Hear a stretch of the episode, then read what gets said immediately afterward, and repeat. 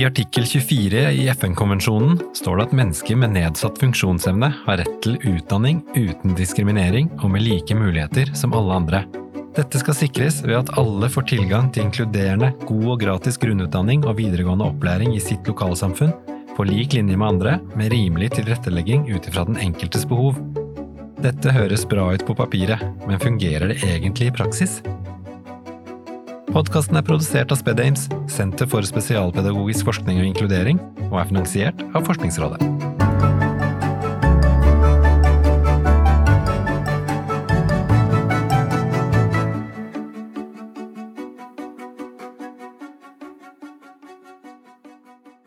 Alle må få lov til å være med, fordi det er eh, bra å ikke være alene. Jeg heter Marte, og eh, jeg er 15 år. Jeg går i 9. trinn, og jeg har Downs syndrom.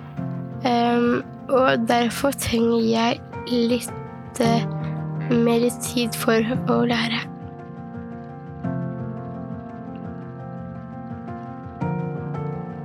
Jeg liker klassen min fordi at mm, det er veldig kult å være på klassen, det jeg er med. Og så er det veldig morsomt å ha lærer og elever som støtter meg godt. Når jeg blir erta, så liker jeg det ikke, fordi noen ganger så sperrer veien for meg ved døra ved utgangen, og da får jeg ikke plass til å mm, komme ut. Og når noen sier stygge ord til meg, da vil jeg bare helst si igjen. For det er ikke noe greit når noen sier det.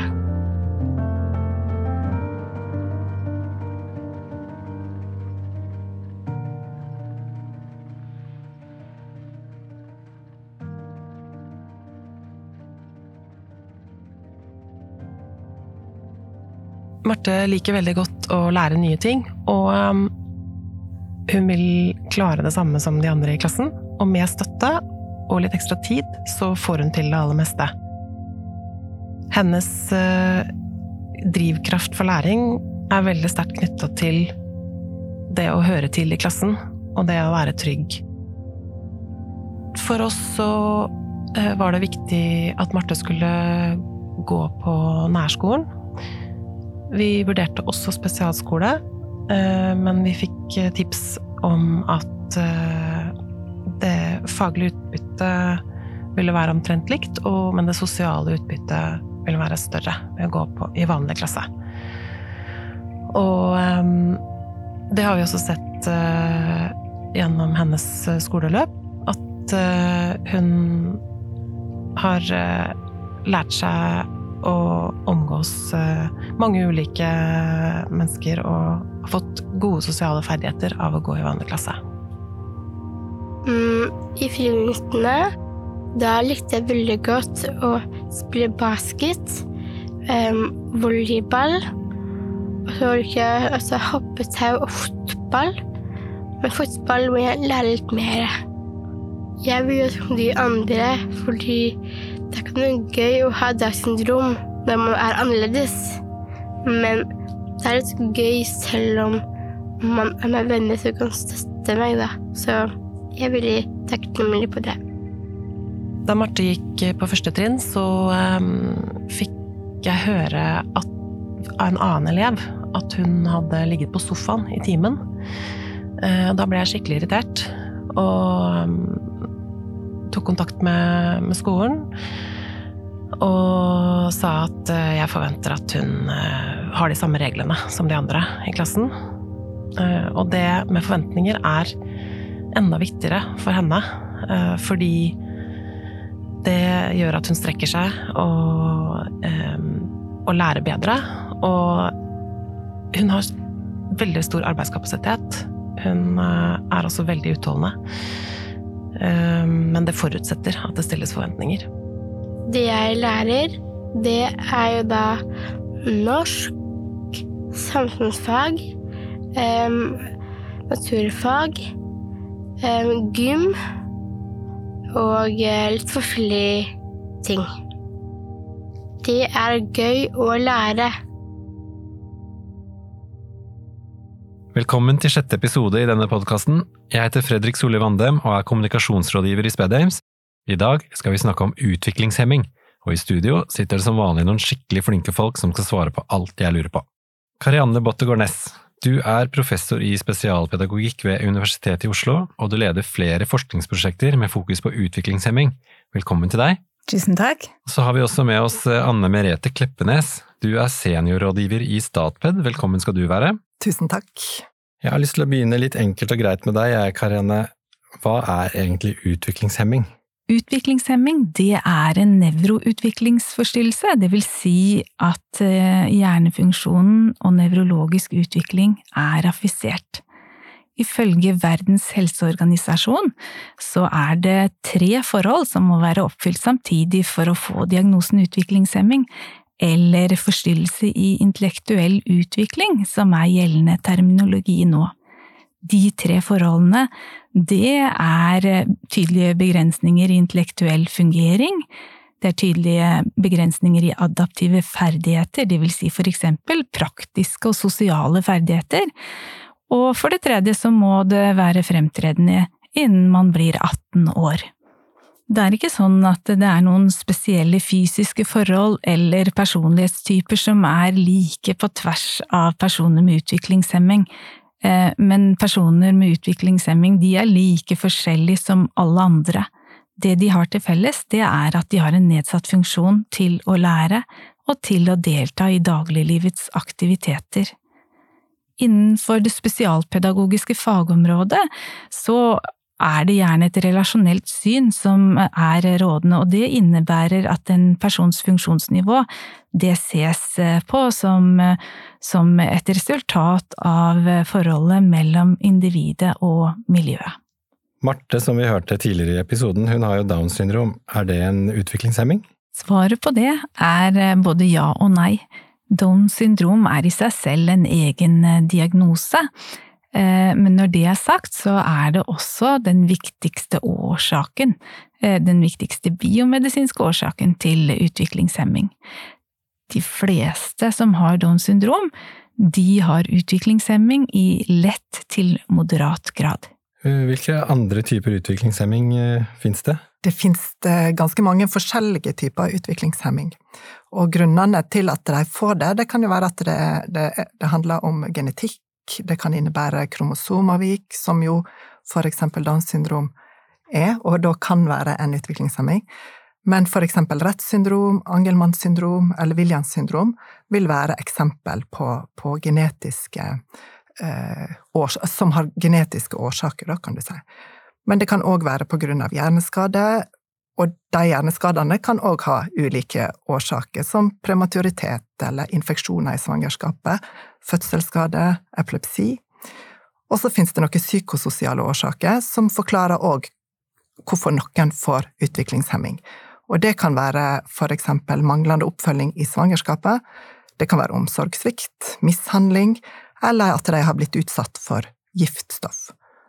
Og jeg tenker at det kan jo være greit for en pedagog å kjenne til hva som er, hva som er grunnen til at eh, barnet eller eleven som, eleven som en jobber med, har, har, en utviklingshemming, og hva det kan bety for utviklinga til det barnet. Men samtidig så er det jo minst like viktig å bli kjent og, og møte den, det barnet eller den eleven som en enkeltperson, da. Barn med utviklingshemming, hva er det de typisk strever med? Nå sa jo Karianne litt om kriterier for å få en diagnose, da. Dette med intellektuell fungering og adaptive funksjoner, og kanskje spesielt det som er knytta til adaptiv fungering.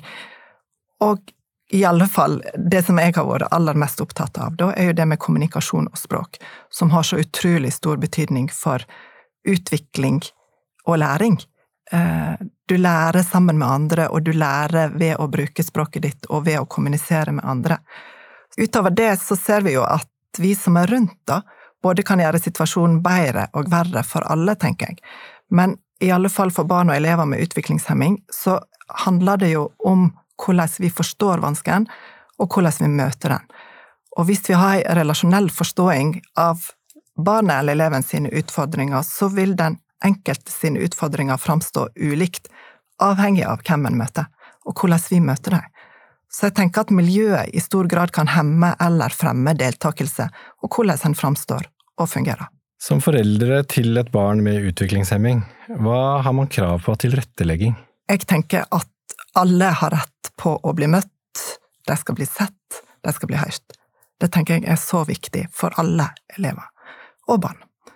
Jeg tenker òg at foreldre skal være trygge på at de blir møtte med, med, fagpersoner som har god kompetanse, at de har kunnskap, at de har ferdigheter og gode holdninger. Det er så utrolig viktig hvordan, hvordan eh, elevene og barna blir møtt. Eh, og da er det kanskje det her med holdninger tenker jeg egentlig kommer nesten foran lovverket. For vi har et utrolig godt lovverk, eh, men jeg tenker at foreldre skal være sikre på at det blir lagt til rette i barnehage og skole for at barnet ditt kan delta og mestre og medvirke. Og det er jo en intensjon som vi har gjennom opplæringsløpet vårt, fra barnehage videre, til videregående skole, at alle skal kunne lære å utvikle seg ut ifra eh, sitt utviklingsnivå. Alle har krav på at barna deres blir møtt med høye og realistiske mål, med ambisjoner og vilje om å kunne komme videre og kunne utvikle seg. Og så er det jo sånn at vi har, eh, for barna våre, så har vi jo selvfølgelig òg et lovverk som skal ivareta dette her. Vi har barnehagelover, og vi har opplæringslover med forskriftene som følger der. Og jeg tenker at hvis vi ser på opplæringslover, for eksempel, så eh, anser jeg at eh, formålet med opplæringa, punkt paragraf 1.1 og paragraf 1-3 om tilpassa opplæring faktisk kommer foran det som handler paragraf 5-1 som handler om retten til spesialundervisning, fordi at intensjonen med skolen er at en skal få delta sammen med andre og lære sammen med andre. Men hvis du ikke får tilrettelagt godt nok, eh, eller hvis det ikke er mulig å tilrettelegge på en god nok måte, så vil jo retten til spesialundervisning, eller i barnehagen retten til spesialpedagogisk hjelp, komme inn, da. Og så er det jo sånn at, eh, at vi i Norge òg har en del overordna konvensjoner og føringer som vi har skrevet under, under på, og de er vi jo òg forplikta til å følge. Eh, for eksempel CRPD og FN sin barnekonvensjon. Denne historien til Marte, det går jo veldig bra med henne. Er dette typisk, eller er det ikke alltid så bra? Heldigvis så finnes det også andre barn som det går så bra med som med Marte. Men eh, de som eh, ofte tar kontakt med oss eh, på universitetet, de har det kanskje ikke gått like bra med. Det virker som man er veldig prisgitt ledelsen ved skolen eller i barnehagen, eller enkeltpersoner i systemet. Og det kan jo selvfølgelig være problematisk og veldig tilfeldig. Jeg har lyst til å trekke fram noen generelle problemstillinger som eh, går igjen, og som eh, muligens kan bidra til økte sosiale forskjeller, manglende spesialpedagogisk hjelp, og ikke minst manglende spesialpedagogiske forskningsbaserte tiltak. Resultater fra norske studier av barn med utviklingshemming viser at barn som kommer fra hjem med høy sosioøkonomisk status, i større grad får støtte fra ulike fagpersoner, som for eksempel logoped, ergoterapeut og fysioterapeut, og de har også en større andel timer spesialundervisning i skolen. Det å ha ressurssterke foreldre synes derfor å være en avgjørende støtte, og det kan virke som om vi har et system som ikke tilstrekkelig ivaretar barna i seg selv, avhengig eller uavhengig av hvem de er barna til. Ehm, det er jo svært uheldig, og eh, vi bør derfor sørge for å få et eh, rapporteringssystem på plass, der vi sikrer at alle må rapportere hva slags tiltak barna får, hva slags kompetanse den ansvarlig for utføringen har, og også hvilke størrelsesorden eller hvor mange timer støtte barna får. Vi har også denne lovfestede retten som vi har vært inne på flere ganger nå, og Alene så ser det ut til at det allikevel ikke er nok til å gi barn med utviklingshemming den hjelpa som de virkelig har behov for. Dagens lovverk stiller ikke krav om spesialpedagogisk kompetanse, for eksempel, for å gi såkalt spesialpedagogisk hjelp og spesialundervisning. Og man kan derfor stille et spørsmål om hvorvidt denne retten er eh, reell. Eh, cirka halvparten av barna i eh, de studiene jeg har gjennomført av barn med utviklingshemming, de har mottatt undervisning av assistenter. Utfordringen med det, det er jo ikke assistentene, men det er bruk av ufaglært arbeidskraft til oppgaver som krever eh, fagkompetanse. Eh, og i eh, tilfeller der man jobber med barn med Downs syndrom, så kreves det fagkompetanse knytta til eh, dette syndromet. Om man jobber med andre typer av eh, syndromer, så kreves det en spesifikk kompetanse på det. Det kreves også en substansiell faglig kompetanse når man skal gjøre noe som kan være komplisert, veldig enkelt. Og det betyr at man bør ha god kompetanse både i norsk og, og matte og engelsk, for eksempel noe man som assistent ikke nødvendigvis har, fordi det ikke er et krav om fagkompetanse. I tillegg så finner vi også at det er manglende oppdatering og samarbeidstid og manglende planleggingstid. Ehm, og eh, arbeidet med denne elevgruppen må jo også planlegges som arbeid med alle andre elevgrupper. Eh, og selv om innholdet noen ganger kan være på et lavere nivå, så er kravene til å lære fra seg desto større. Så har vi dette med type og, og mengde tiltak for eh, barn med utviklingshemming. For eksempel så ser vi gjennom våre studier at eh, tiltak som gis eh, knytta til annet språkutvikling, ikke er i tråd med internasjonal forskning. Og det er kanskje ikke så rart, fordi en stor del av undervisningen da utføres nettopp av ufaglærte.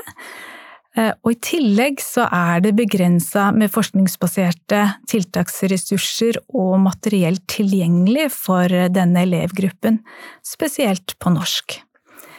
Det er jo litt paradoksalt at vi i Norge, som er et såpass rikt land, har så lite kompetanse og så få tilgjengelige ressurser eh, for denne elevgruppen. Og fravær av forskningsbaserte tiltak det eh, fører jo også til at lærerne kanskje blir usikre og vet ikke helt hva de skal gjøre.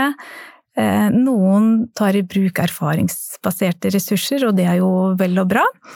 Eh, men det krever jo da at man er bevisst på hva man gjør, og at man er i stand til å vurdere det og hele tiden stoppe opp og se fungerer dette som, som forventa.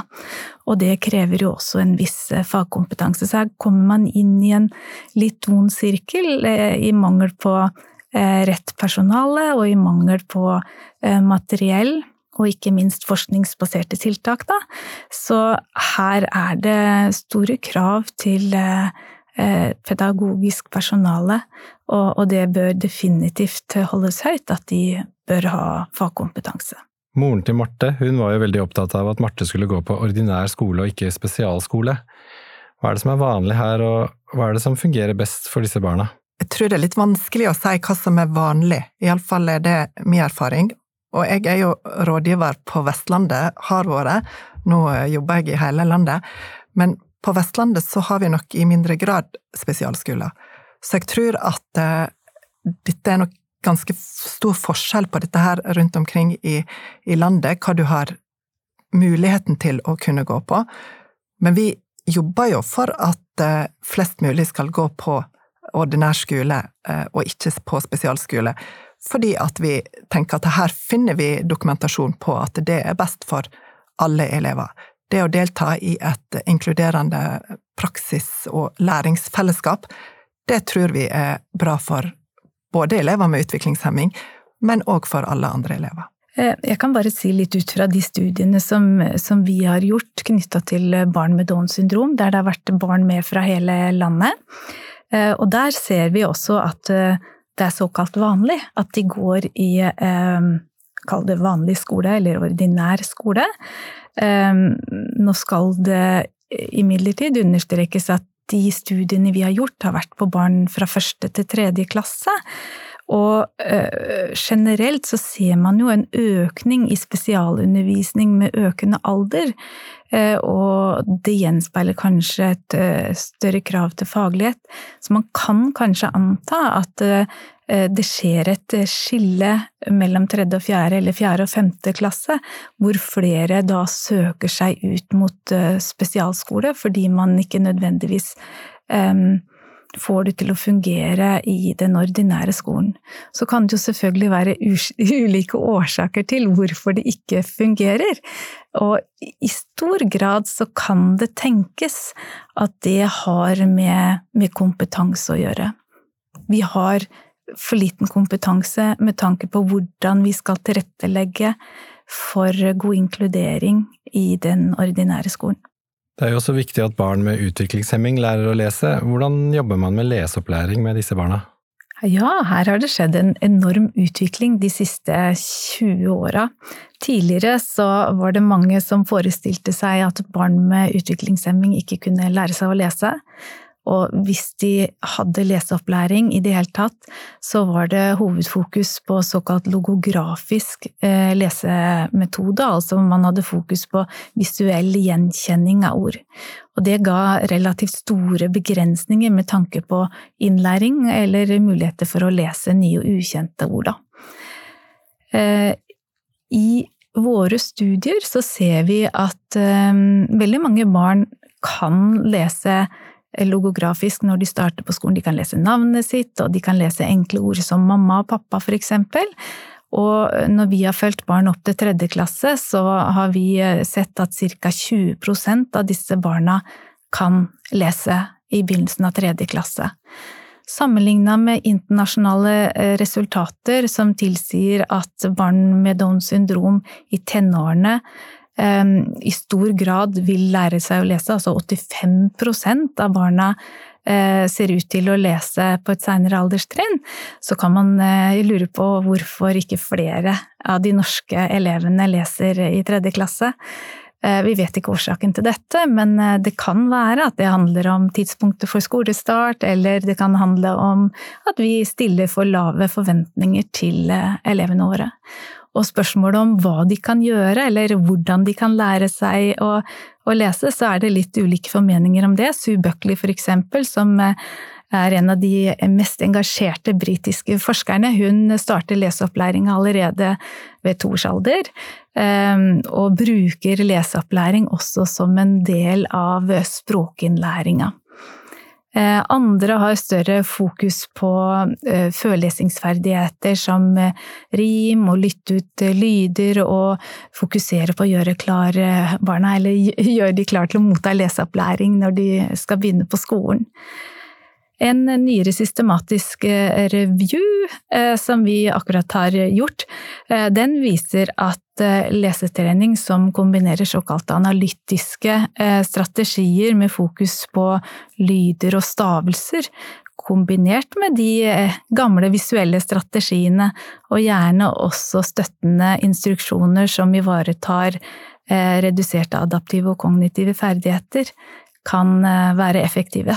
Fra praksisfeltet så ser vi jo at eh, kanskje det blir lest litt mindre for eh, disse barna, kanskje de får litt færre erfaringer med bokstaver og ord, de får færre erfaringer med å se på seg sjøl som en som leser og en som skriver.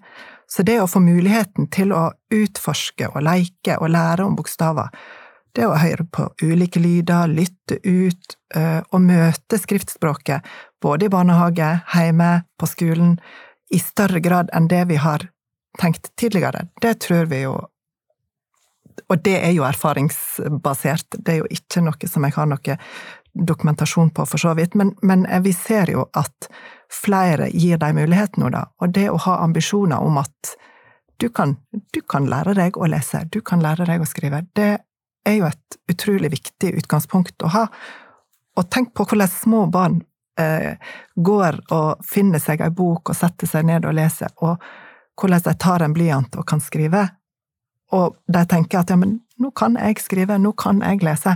Og det er viktig for eh, disse barna og elevene å møte i omgivelsene òg, tenker jeg. Dere har jo nevnt spesialpedagogiske tiltak en del allerede. Hvordan ser de ut, og hvordan, hva vet man fungerer?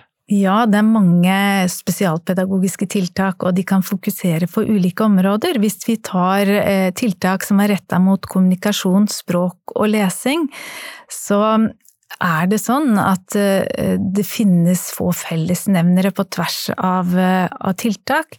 Eh, det er imidlertid viktig at de er systematiske, og de må være relativt av stor dose. Og elevene viser da at de kan respondere på en rekke ulike tiltak med god effekt.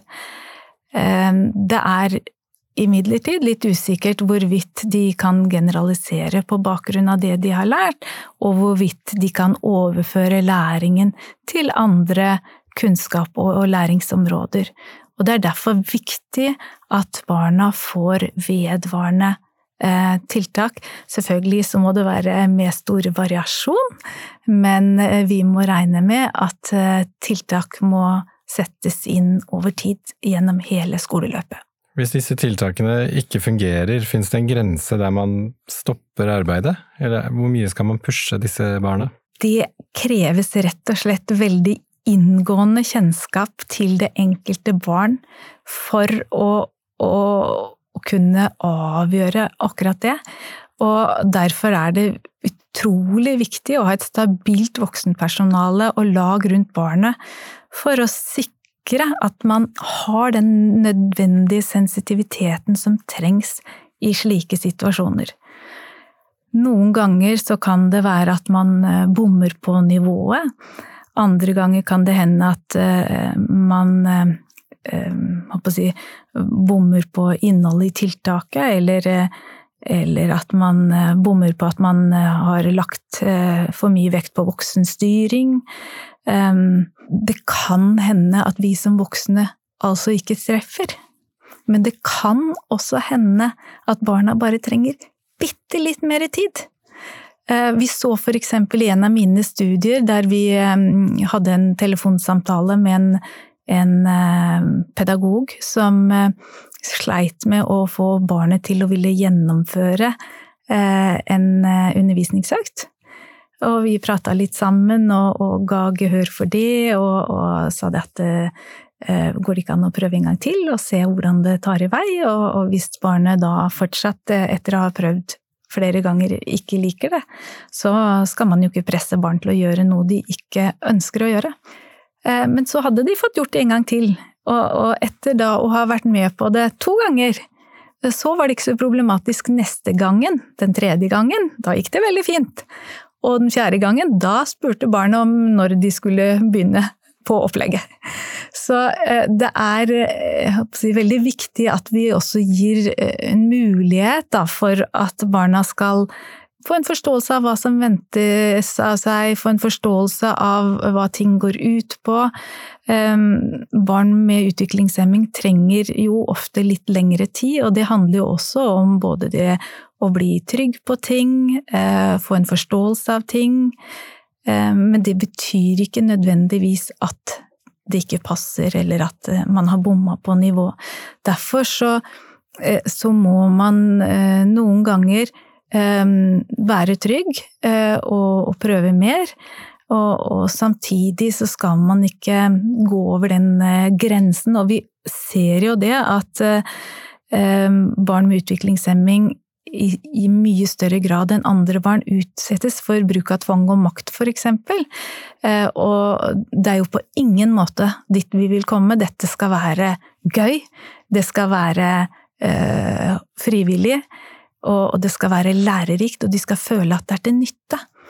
Og hvis vi opplever at barna ikke er der, så handler det jo om at vi ikke nødvendigvis trenger å, å, tenke at de ikke kommer til å lære det noen gang, men det handler om å finne nye måter å lære det på. Eh, andre ganger kan det være å gå via spesielle interesser som de har, eh, men det handler om den voksnes kreativitet i veldig mange, i mange situasjoner. Så handler det mer om det enn det handler om barnas faktiske mulighet for å lære. Jeg har lyst til å snakke litt om dette med inkludering. På Statped sine nettsider så leser jeg Barn med utviklingshemming skal ha likeverdig opplæring, og de skal ha en naturlig tilhørighet i det sosiale fellesskapet. Derfor står inkluderende praksis sentralt. Hvordan får man til dette?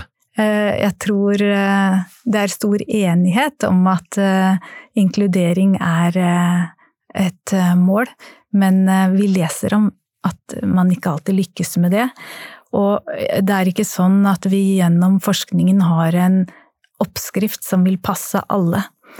Men diskusjonen i Norge har i veldig stor grad retta seg mot tilstedeværelse i klasserommet, og tilstedeværelse i seg selv, det fører ikke til inkludering. Eh, et ensidig fokus på tilstedeværelse, det vil eh, heller kunne bidra til at man eh, har fokus på fysisk oppbevaring, eller i hvert fall ikke fokus på, på eleven med utviklingshemming. Så her har vi her har vi mye å jobbe videre med når det gjelder forskning, og vi har også mm, noe vi kan lære av den forskningen som har vært gjort. Eh, vi gjorde for eksempel en, en studie av kvaliteten på inkluderingen eh, av eh, elever med Downs syndrom i tredje klasse. Og i tråd med Farrell så definerte vi da kvalitet på inkludering med utgangspunkt i Ehm, i tilstedeværelse, men også i deltakelse, aksept og utbytte av eh, undervisningen. Og da fant vi at eh, elever med Downs syndrom de var gjerne til stede i sosiale og praktiske aktiviteter, som for eksempel turer og gymtimer og spisetid, men veldig lite til stede i eh, akademiske fag som matte og norsk og engelsk. Eh, lærerne vurderte da at 90% av elevene eh, hadde utbytte av å være til stede i de sosiale aktivitetene. Og ca. i 50% av tilfellene så vurderte lærerne at elevene hadde middels eller stor grad eh, utbytte av å være til stede i de akademiske fagene.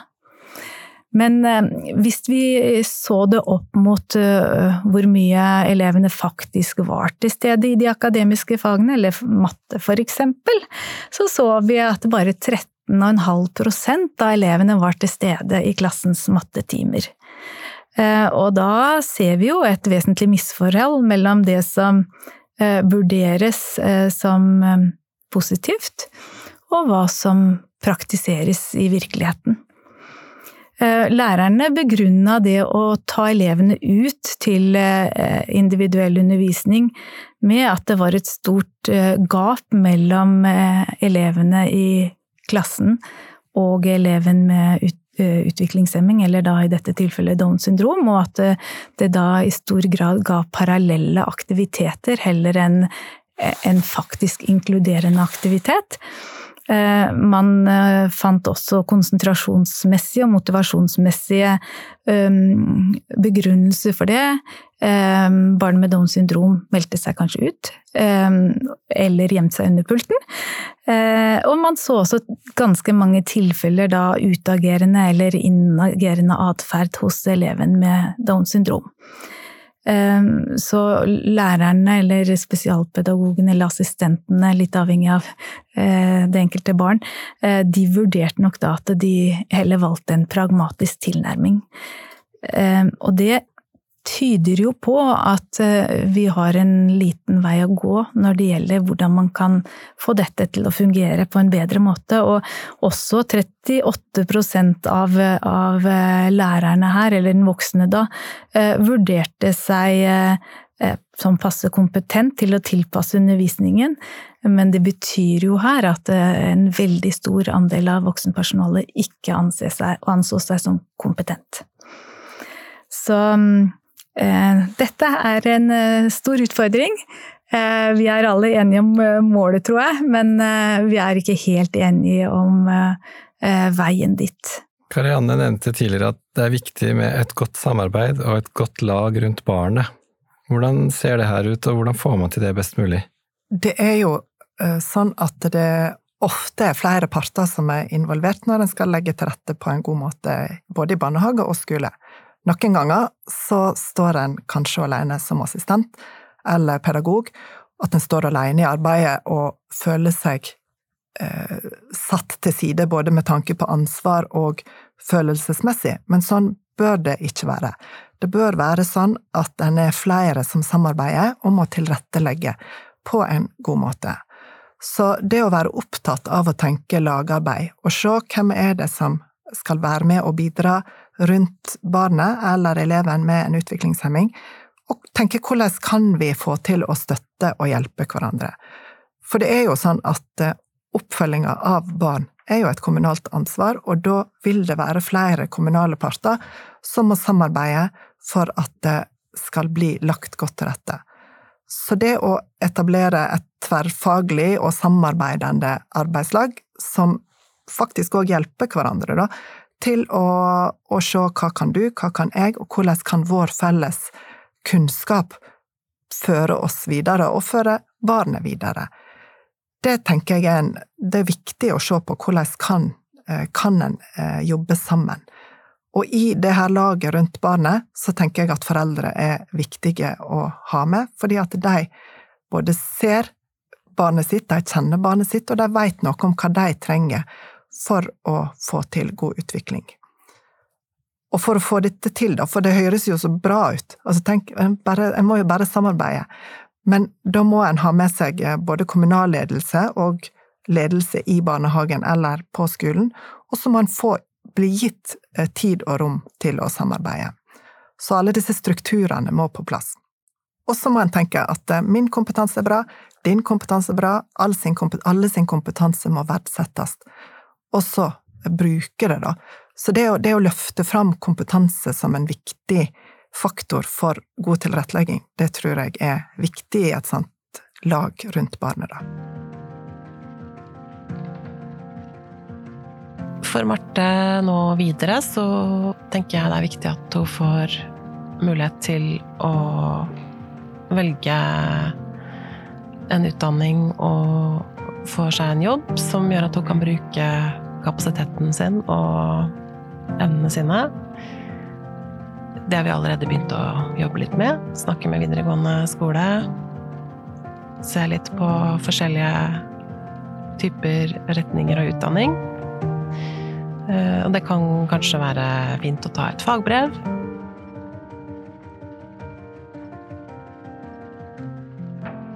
Når jeg bestå stor, da tror jeg kanskje jeg vil bli artist. Um, lege. Sykepleier. Um, og så vil jeg også bli dyrlege. Kokk. Lærer. Og kunstner. Og det var alt.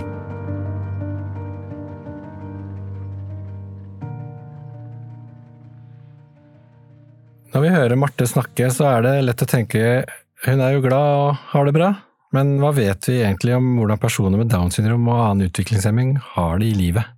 Mange med Downs syndrom går for å være sosiale og alltid blide. Og det støttes også av en amerikansk spørreundersøkelse som eh, ble sendt ut til personer med Downs syndrom over tolv år. Nesten 99 eh, av ungdommene og de voksne var fornøyd med livet sitt. Og 97% var også fornøyde med seg sjøl, så her er det mange som ikke har Downs syndrom, som har mye å lære.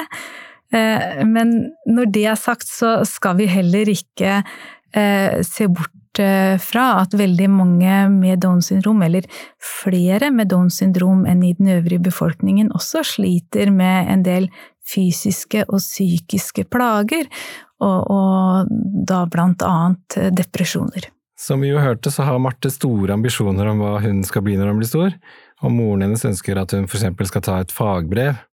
Hva skjer typisk med disse barna etter de er ferdig med skolegangen?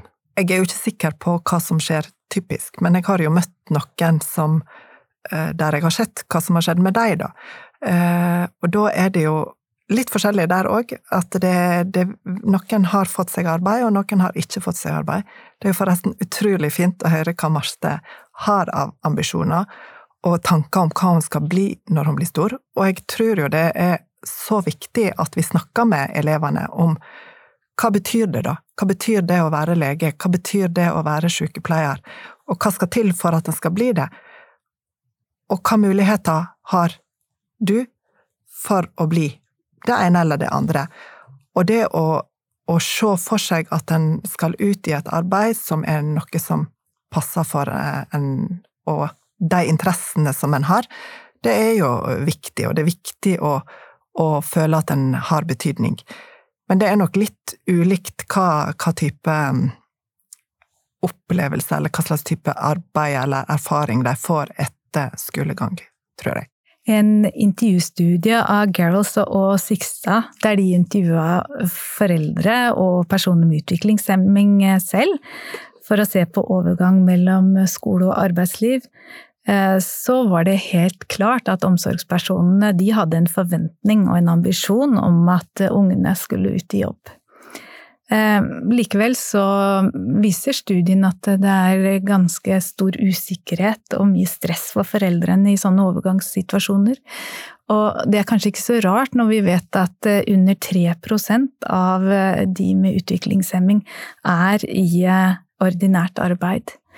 Så eh, disse faktorene som, eh, som Garolds og Høybråten eh, peker på, så er det kanskje det med at man eh, veldig lett får eh, en uføretrygd med en gang man eh, fyller 18 år, hvis man har en utviklingshemming.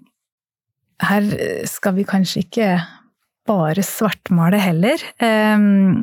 Så jeg syns kanskje vi skal nevne noen av alle disse litt spennende tinga som har skjedd med personer som har utviklingshemming.